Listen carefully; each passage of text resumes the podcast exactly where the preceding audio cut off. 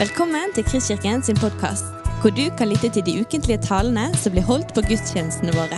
Vi håper denne podkasten vil inspirere og utfordre deg til å kjenne Gud, elske mennesker og tjene vår verden.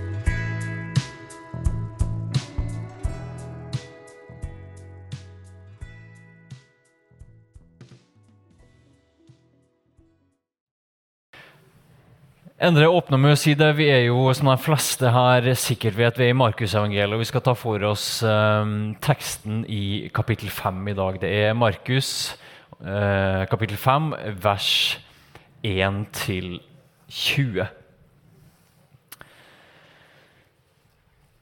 Endre har jo sagt litt om teksten, og, og, og vi møter en mann som, uh, som helt tydelig er plaga. Eller han er, han er mer enn det. Også. Han, han, er, han er faktisk besatt i, i, i, ordets rette forstand. Det er den, den demonutdrivelsen i Markusevangeliet som er mest utbrodert. Eh, vi får mest detaljer, den lengste historien som vi i dag skal, skal ta for oss. Og kanskje det mest dramatiske også. Mannen ifra, ifra gravhulene. Vi har det kanskje alle sånn at vi har, eh, vi har ting i livet som, som, plager oss, eller som, eller som eh, nærmest hva skal jeg si, hjemsøker oss. Det kan være uskyldige ting, eller det kan være ganske alvorlige ting. Alt fra eh, tvangstanker til, til eh, avhengigheter, til og med litt sånn uskyldige følelser som, som, kanskje er plagsomme, som ikke, ikke, kanskje kommer under kategorien alvorlig, men ting som plager oss. Jeg tror alle kan, kan kjenne oss igjen i det. Uten sammenligning for øvrig med dagens tekst så har jeg hele mitt liv hatt prestasjonsangst. Jeg, kan, jeg har hatt det så lenge jeg kan huske. Helt liksom fra, fra første klasse, og vi skulle fram til læreren. og, og husker vi, eh, Matte har aldri vært min sterkeste side.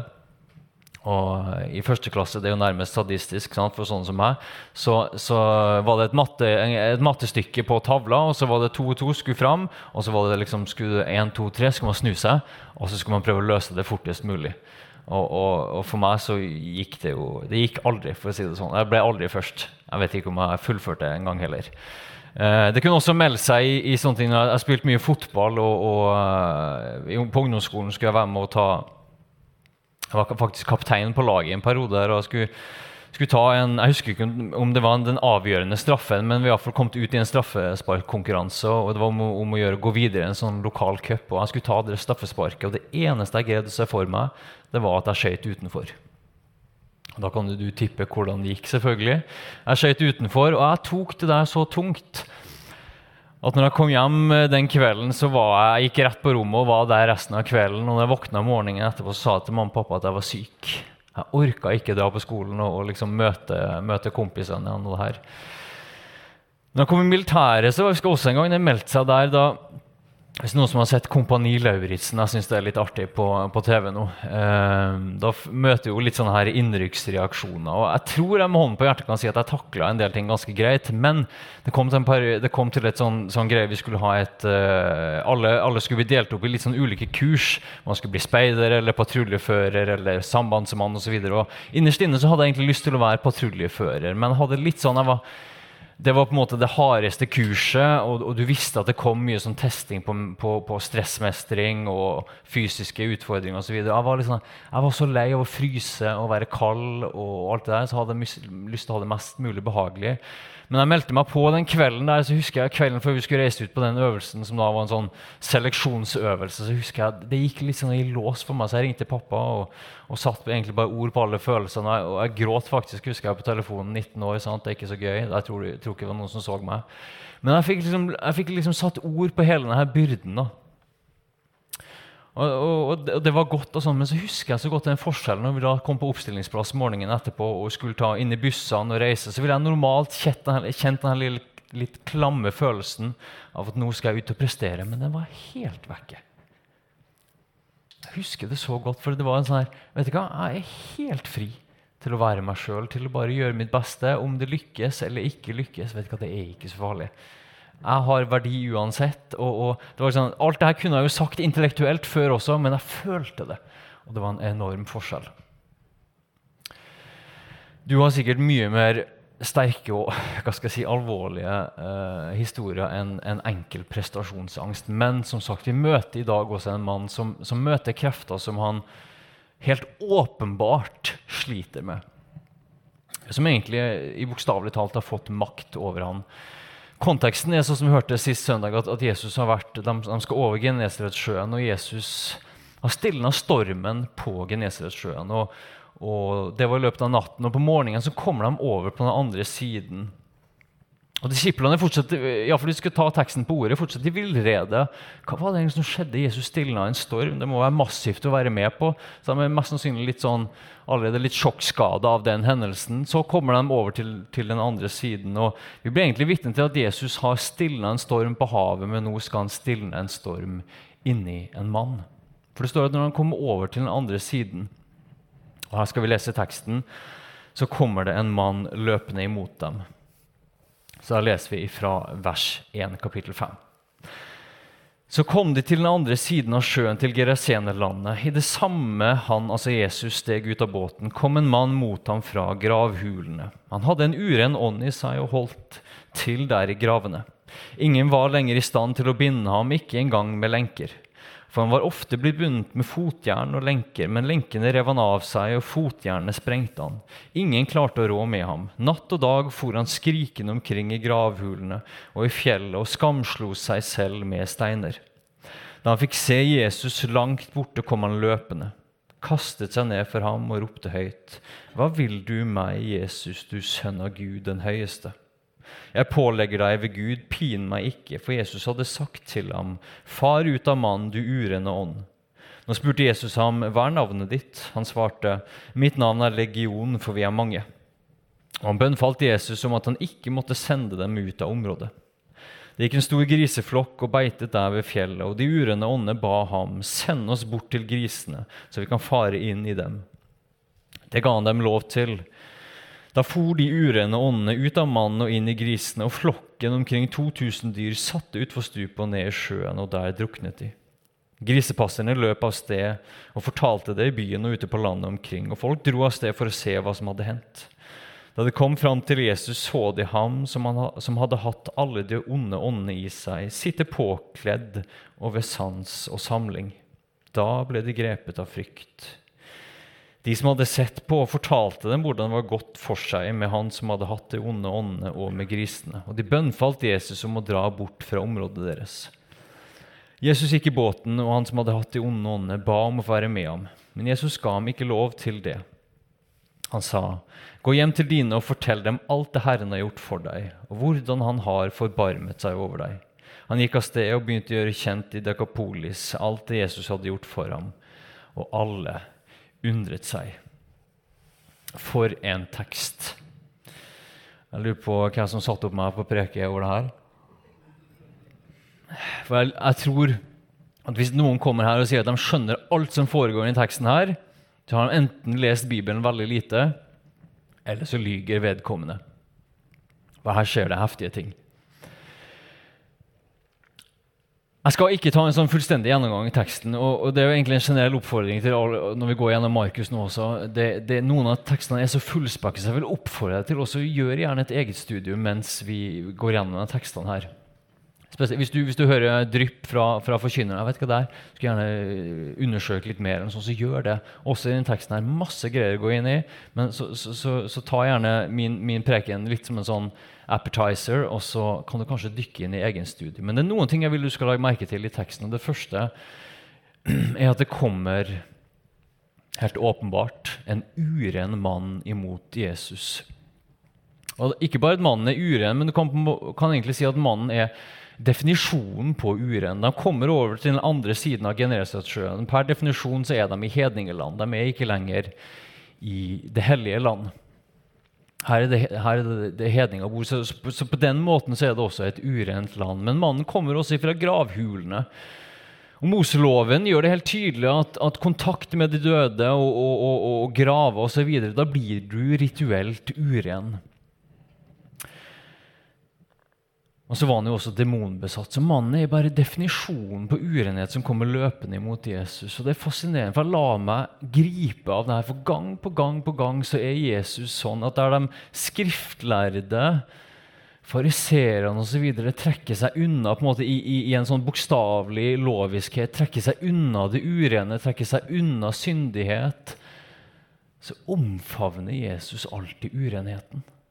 Han omfavner den spedalske, han går i møte med den demonbesatte. Han viker ikke unna, selv om han sjøl ifølge Moseloven blir rituelt uren ved å være i kontakt med vedkommende. Det sier noen ting om Jesus, det sier noen ting om, om hjertet til Jesus. Det sier noe om, som vi har vært inne på før, at Jesus ser mennesket bak spedalskheten, bak besettelsen. Jesus er ikke redd for det urene. Eller sånn som en som sa det, han kysser den spedalske. Det er håp for oss også. At Jesus er ikke redd for det urene, heller ikke ditt liv. Vi vet ikke så mye om denne mannen, annet enn han var fryktelig sterk. og, og vi, vi, du har gjerne hørt, og jeg tror det er mye rett at når man snakker om sånn, sånn demonbesettelse, sånn, så er det helt tydelig en, en realitet i, i, Bibelen. Selv om jeg sjøl aldri har vært vitne til sånne ting, egentlig ikke i nærheten sjøl, så har hører jeg også troverdige mennesker som snakker om en del sånn Eh, ja, lignende ting når det kommer til det her med demonbesettelse. Men, men, en klok ting er jo sånn at vi skal ikke se demon bak enhver busk. Men vi skal heller ikke si at det ikke finnes onde, åndelige realiteter. Men uansett, vi vet ikke så mye om denne mannen. Vi vet ingenting om, Igjen så skulle jeg gjerne snakka med Markus, for det er så mye jeg gjerne skulle ha visst.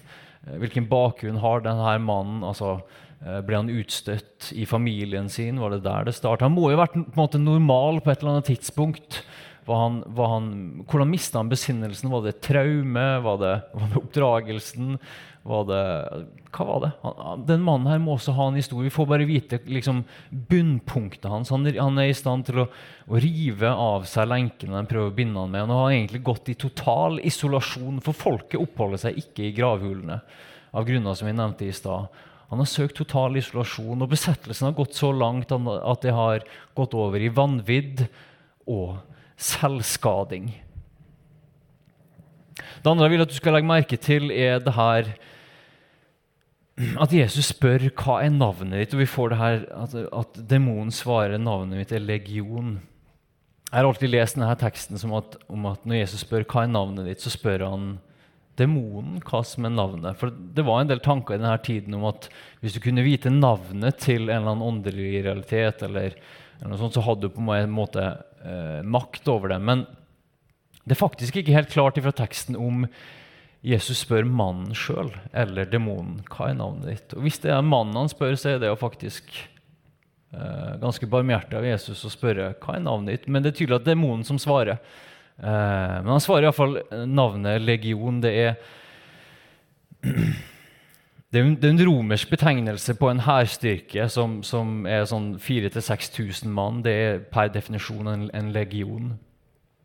Men teksten sier at, at det brukes her uh, for at det rett og slett er så mange. Ikke nødvendigvis at de skal ta det bokstavelig, men, men, men mannen sliter med masse greier. Uh, for deg som ønsker å gjøre et eget studie, så er det også noen interessante, liksom, subtile, sånn, nærmest sånn politiske uh, hint her også. Men det har vi ikke tid til å gå inn i dag, så der har du en uh, måte å studere det på hjemme hvis du vil. Men iallfall Jesus, og jeg synes jeg er en interessant parallell, for Jesus, demonene blir satt navn på. Du hører det her ofte faktisk i en del psykologi også, at, at vi må sette navn på demonene våre. Og det er faktisk ikke så dumt heller, tror jeg. Vi skal ikke redusere det Jesus holder på med, til psykologi. Virkelig ikke. Men Jesus, Jesus setter navn på, det, eh, på denne, det som den mannen her sliter med. Og jeg tror også at vi kan ta med oss noe der. De har faktisk forska på det at, at noe, noe, så enkelt Og her preker jeg virkelig til meg sjøl, for her prøver faktisk min kone å, gjøre meg litt flinkere på å sette ord på følelser. Men de har faktisk forska på det at når, når, eh, når, vi setter ord på følelser helt enkelt, helt basalt ok, Nå føler jeg meg trist, nå føler jeg meg frustrert, nå føler jeg meg isolert. Så skal jeg skal bare lese her hva det står. At, at når, når, man tar tid for følelsene sine, så blir man og her viser forskningen, mindre stressa, Man tenker klarere, mer kreativt. Man, og, og, det, og, det, er enklere også å finne konstruktive løsninger. Og det er vel her Noe av vår erfaring tilsier også at når vi får delt en sorg med en annen, satt ord på det, så er den sorgen lettere å bære. Når vi får satt ord på det som kanskje går rundt i skyggesiden av livet vårt, så mister det litt av sin kraft. Selv om jeg tror det er de aller færreste av oss som kan kjenne oss igjen i den mannen her, så kan vi alle kjenne oss igjen i de kreftene som er for sterke for oss. Iallfall av og til oppleves som for sterke for oss. Og det er faktisk makt i bare det å finne navnet. Sette ord på det, enten det er skyggesidene i livet, eller det dårlige minner, eller det er følelser som er tunge å bære. Sett navn på det, enten i dagbok hvis du driver med sånt, eller overfor en venn eller i bønn til Gud. Det tredje jeg vil du skulle legge merke til, som også som vi var inne på, er jo at denne mannen her er fryktelig sterk. Eh, for to kapitler siden så var vi i teksten der, eh, der det også snakker om å være sterk. Og det er egentlig en lignende setting, for det der Jesus blir anklaga av fariseerne for å sjøl være demonbesatt, og at det på en eller annen måte gir ham kraft til å drive ut demoner av andre. Og Da sier jo det Jesus det her, at hvordan kan man plyndre huset til den sterke, altså til den vonde, hvis, man ikke først, eller hvis ikke Jesus først sjøl har bundet den sterke? Da kan han plyndre huset hans. Så Teksten her er også en, en fantastisk opphøyelse av Jesus sin autoritet. Den demonbesatte sier jo det sjøl. Han, sier, han, han, gjenkjenner Jesus som, som, du, sønn av den høyeste Gud. Og igjen og igjen så ser vi at, at demonene kjenner igjen Jesus. Vi leserne kjenner igjen Jesus. Vi fikk det røpt helt i begynnelsen av evangeliet, men, men disiplene sliter fortsatt. Sånn på, på Genesaretsjøen stiller han seg sjøl spørsmålet hvem er det han her som stiller stormer. Her må han stille seg nøyaktig samme spørsmål. Hvem er han her igjen som driver ut demoner, og som er sterkere enn han her som er så sterk. Og Det er egentlig ikke faktisk før i kapittel 8 at han kommer til, disiplene kommer til konklusjonen ja, han er Messias, ja, han er Guds sønn. De er fortsatt i det her spørsmålet. Hvem er Jesus? Og Nok en gang får vi en maktdemonstrasjon på Jesus sin autoritet. Og Jesus er den som plyndrer den sterke sitt hus. Der er du også løfta om at han har plyndra den sterke sitt hus. Og Da vi møter da ting som er for sterkt for oss, så kan vi faktisk stole på at Jesus har vært der før.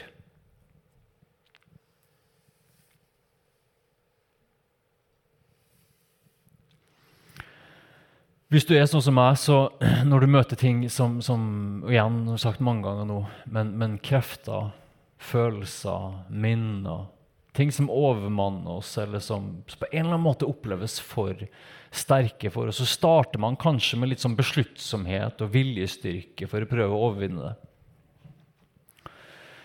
Sjelden så går det så veldig bra, i hvert fall er min erfaring. Og så ender det kanskje med mer sånn skam og, og selvhat, og i ytterste konsekvens selvskading. Kanskje ikke så fysisk som vedkommende i teksten i dag, men, men kanskje mer på det indre nivået. Og jeg tror vi må være ærlige å si at vi er på en måte maktesløse hvis vi kun går i en sånn intellektuell kamp mot de her kreftene. Da mener jeg ikke sånn spesifikt sett liksom, demonbesettelse. Jeg tror ikke Det viktigste er liksom å finne ut hva er det hele tiden. Det viktigste er å kjenne at det er noen som overmanner meg. Kjenne at det kommer følelser eller, eller reaksjoner i livet mitt eller perioder hvor det er ting som jeg ikke greier å stri med der jeg ikke greier å tenke meg frisk, for å si det sånn. Jeg, jeg kan tenke så mye som jeg vil, men det kommer meg ikke fri. Og jeg tror det er helt rett. Jeg tror vi alle møter sånne krefter. Vi bare må innrømme vi er ikke sterke nok. Enten det at jeg eksploderer i sinne, eller, en, eller en skjult avhengighet, eller tunge tanker, eller minner som, som, av smerte som andre har påført oss, eller vi har påført andre, så er det sted vi møter. Ja, hvis, hvis, du har levd i noen år, så møter vi ting som er for sterke. For jeg tror det lureste vi gjør, er å innrømme at ja, Det er for sterkt for oss. Det er for vanskelig. Intellektuelt så kan vi ikke bare tenke oss løs ifra det. Det sitter dypere. Men og det tror jeg teksten i dag inviterer oss til. Det vi kan gjøre, For det står at, at mannen kom løpende mot Jesus. Og det, vi får ikke vite fra teksten om det er på en måte demonene som driver han dit. Men jeg liker iallfall å tenke at det, det var noe selvråderett igjen i mannen. Han var ikke bare besatt.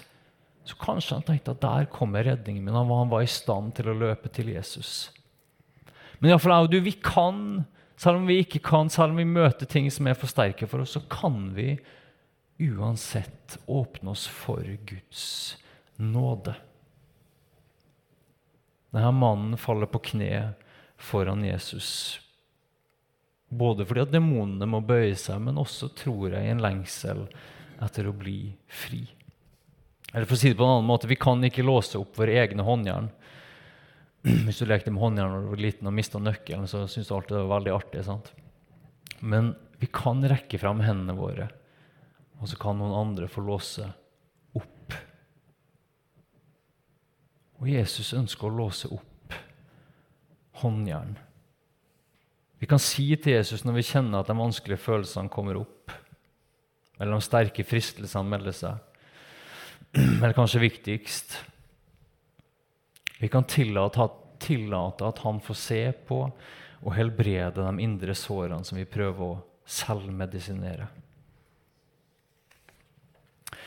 Jeg skal avslutte med å lese en historie til deg. Det er en historie med en dame som, kalles, som heter Roxanne. Det er ikke noe jeg kjenner personlig, men det er henta fra en bok av, av, Greg Boyd som heter 'Seeing is Believing'. Du skal få sette deg til rette, for det tar kanskje fem-seks minutter å lese gjennom. Men en litt, litt sånn moderne variant. Ikke like voldsomt, men likevel en litt moderne variant av det vi har lest om i dag. Så hør etter. Ta meg en liten vann, litt vann. Annenhver uke gikk pastor Bob Wilkins til en psykiatrisk institusjon for å besøke søsteren til et medlem av menigheten hans. Bob satt vanligvis i salongen på avdelingen med denne kvinnen i en halv time eller lignende. Under hvert besøk la han merke til en ung kvinne som vippet fram og tilbake på samme sted på gulvet i hjørnet av salongen. Øynene hennes så alltid livredde ut da hun stirret ut i rommet, tilsynelatende uvitende om omgivelsene. Når middagen ble servert, måtte den unge kvinnen, kvinnen mates med skje, og stirringen og vippingen hennes opphørte aldri. På et tidspunkt spurte Bob personalet på denne avdelingen om tilstanden hennes. De sa at Roxanne to år tidligere hadde fått et stort nervesammenbrudd som hun aldri hadde kommet seg fra. Det ble utløst av morens død, som selv hadde vært innlagt på den samme institusjonen i flere år frem til hennes død, og av at mannen hennes forlot henne kort tid etter denne hendelsen. Med unntak av noen sporadiske mumlinger til seg selv og til tross for personalets kontinuerlige arbeid hadde Roxanne ikke snakket med noen eller tilsynelatende lagt merke til noen, eh, noen rundt seg siden denne gangen. På slutten av et av disse besøkene følte Bob seg tilskyndet av Den hellige ånd til å gå over og be sammen med Roxanne. Deretter avsluttet han hvert av sine faste besøk til institusjonen på denne måten. Noen ganger satte han seg foran henne mens hun stirret ut i rommet, holdt henne og snakket forsiktig med henne om Herren. Han fortalte henne hvordan Herren elsket henne og ønsket å hjelpe henne. Da han så skrekken i øynene, fortalte han noen ganger Roxanne at Herren er sterk, at han ønsket å beskytte henne og ønsket å gi henne fred. I flere måneder viste Roxanne ingen tegn til å respondere på Bobs besøk, men så skjedde det noe. Kvinnen han opprinnelig hadde besøkt, ble løslatt fra institusjonen, så Bob fortalte Roxanne at dette var siste gangen han skulle se henne. Etter å ha avsluttet bønnen for henne la han merke til at Roxannes uttrykk for første gang hadde endret seg litt. Hun så trist i øynene da hun stirret ut i rommet. Øynene var tåkelagte. Overbevist om at han hadde nådd inn, bestemte Bob seg for å fortsette sine besøk til Roxanne. Da Roxanne etter hvert ble mer lydhør overfor ham, økte han faktisk besøkene sine to ganger i uken, og noen ganger ville han bli i mer enn en time. Han snakket med henne, ba for henne, leste Bibelen eller noe poesi for henne, og noen ganger satt han bare sammen med henne og hørte på musikk. Roxannes fremgang gikk sakte, men Bob følte seg sterkt oppfordret av Gud til å fortsette. På et tidspunkt kunne han føle Roxanne svare på berøringen ved å forsiktig klemme hendene. Flere uker senere begynte Roxanne å lukke øynene under bønnene. Kort tid etter ble det gjort et stort fremskritt da Roxanne fikk øyekontakt med ham. Selv om hun fortsatte å se livredd ut meste av tiden, begynte hun til slutt å smile litt da hun så ham. Og personalet rapporterte at Roxanne begynte å spise og kle seg. Fem måneder etter hans besøk uttalte Roxanne sine første ord til Bob. På slutten av et av besøkene, akkurat da han sto opp for å reise, hørte han Roxanne spørre i en veldig myk hvisking. Er du engelen? Hun ville ikke på dette tidspunktet si noe videre, og ville, det ville gå flere måneder før Bob forsto hva hun spurte om. Men et stort gjennombrudd hadde åpenbart skjedd. Roxanne fortalte senere Bob at et øyeblikk før han kom for å be sammen med henne, hadde hun hørt en stemme hviske til henne, 'Jeg sender en engel for å lukke øynene og avslutte stormen'. Hun trodde nå at Bob var engelen som stemmen refererte til. Det neste året fortsatte Bob å besøke Roxanne to ganger i uken i institusjonen. Selv om Roxanne stort sett holdt seg inni inn seg selv og sjelden sa et ord til noen andre, inkludert beboerpsykiateren, ble hun stadig mer åpen for Bob. Han fikk vite om traumet hun hadde gjennomgått da hennes mor døde og ektemannen forlot henne. Han fikk vite at Roxanne hadde hatt flere nervøse sambrudd før den siste, og at hun faktisk hadde blitt innlagt to ganger før en gang for selvmordsforsøk. Til slutt fikk han vite om en hendelse i Roxannes barndom som så ut til å ligge i roten av de fleste av hennes problemer. Hendelsen som forklarte det profetiske budskapet hvisket til Roxanne dagen Bob møtte henne. Roxanne kjente aldri faren sin, og Roxannes mor var ikke engang sikker på hvem han var. De bodde sammen i et lite hus på kysten av Louisiana. Roxannes mor, en veldig nervøs kvinne til å begynne med, hadde alltid vært dødsredd for stormer. Dessverre, da Roxanne var ti år, traff en enorm orkan kysten av Louisiana. Hundrevis av mennesker ble drept, og det meste av byen Roxanne og moren hennes bodde i, ble ødelagt. Da orkanen nærmet seg, søkte Roxanne og hennes livredde mor ly i kjelleren deres. Med bare en gasslykt for belysning lyttet de to da stormen utøvde sine forferdelige ødeleggelser ovenfor. Til slutt begynte huset deres å riste, vinduer eksploderte, og takstein falt ut av taket. Roxannes mor begynte å skrike av full hals. Så, minutter senere, kollapset huset deres over dem og fanget de to i kjelleren. Morens skrik stoppet brått da huset kollapset. Hun fikk et fullstendig og irreversibelt nervesammenbrudd. Hun satt bare oppkrøllet i en liten ball i hjørnet og svingte litt frem og tilbake mens hun stirret ut i rommet med livredde øyne. Fullstendig uvitende om omgivelsene. Den unge jenta prøvde innstendig å snakke med moren og prøvde desperat å få henne ut av denne tilstanden, men til ingen nytte. I to dager var Roxanne fanget i deres mørke kjeller med gasslykt som ga akkurat nok lys til at Roxanne kunne se skrekken i morens vidåpne øyne. Roxannes mor ble aldri frisk, hennes livredde uttrykk endret seg aldri til dagen hun døde. Etter hennes nervøse sambrudd ble Roxannes mor institusjonalisert, og Roxanne ble tvunget til å bo hos en tante i New Jersey. Livet var en evig orkan for Roxanne.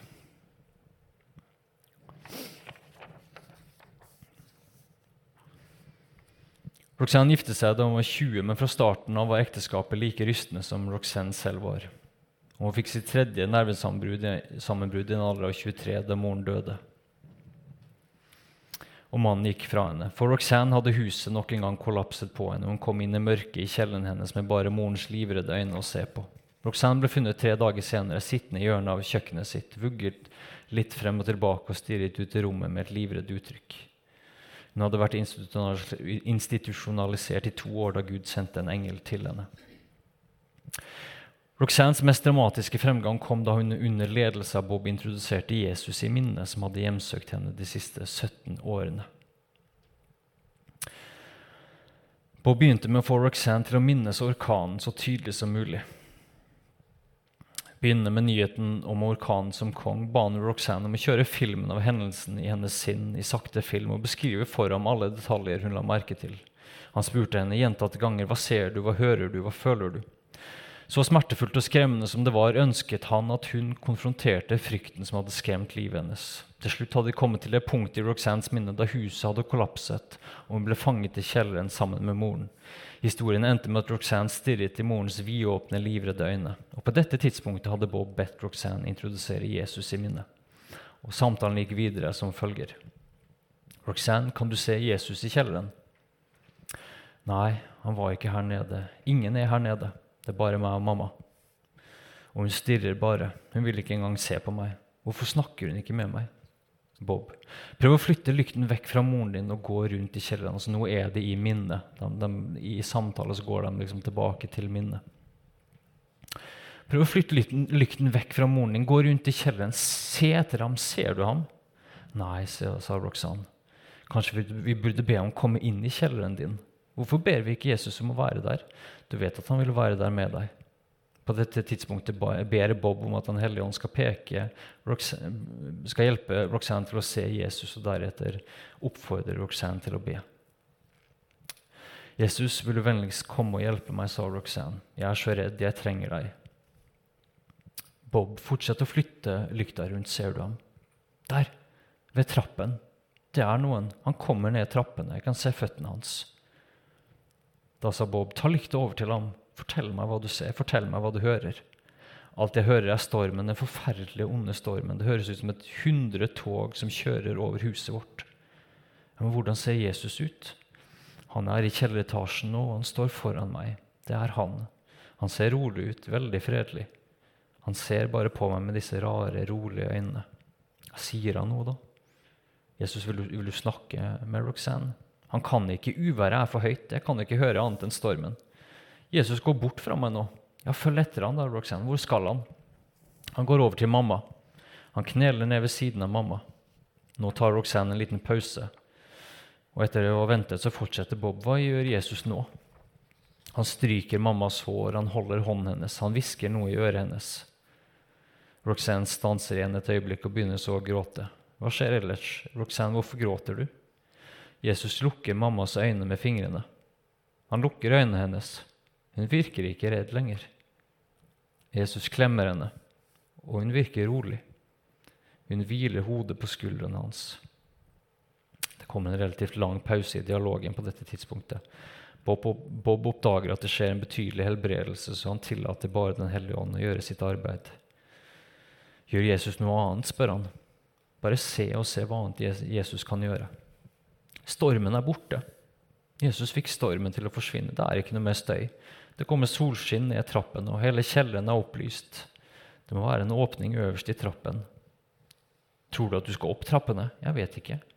Kanskje Jesus vil lede deg? Ja, han reiser seg nå. Mamma sover. Han kommer bort til meg. Ja, hvordan ser Jesus ut, da? Han ser glad ut. Han smiler. Roxanne tar en pause, og et lite smil kommer på ansiktet hennes. Sa Jesus noe til deg? Ja. Han klemte meg og hvisket i øret mitt. 'Stormen er over, Roxanne. Det er trygt å gå utenfor.' Føler du at det er trygt nå? Ja, jeg tror det. Jesus holder frem hånden. Han vil at jeg skal gå opp trappene med ham. Skal du ut nå, da? spør Bob. Roxanne svarer vi går opp trappene, men jeg vil ikke la mor være her nede. Jeg vil ikke la henne være alene. Ja, men fortell det til Jesus, da. Hva sier han? Jesus sier at vi må la henne hvile øynene. De har sittet fast så lenge, og de er veldig slitne. Han sier at det er greit å si farvel til henne nå. Hun har fred. Jeg får se henne igjen. Episoden slutter med at Roxanne går over til sin sovende mor, kysser henne i pannen og sier farvel. Og hun og Jesus forlater kjelleren og går til et sted der Roxanne pleide å leke da hun var en liten jente.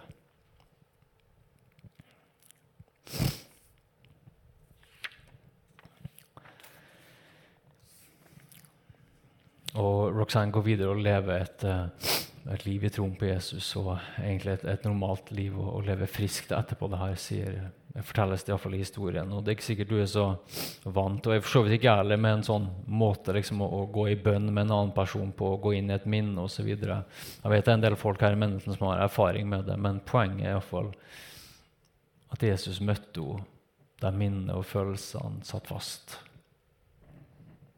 Og det ønsker Jesus å gjøre med meg og deg også.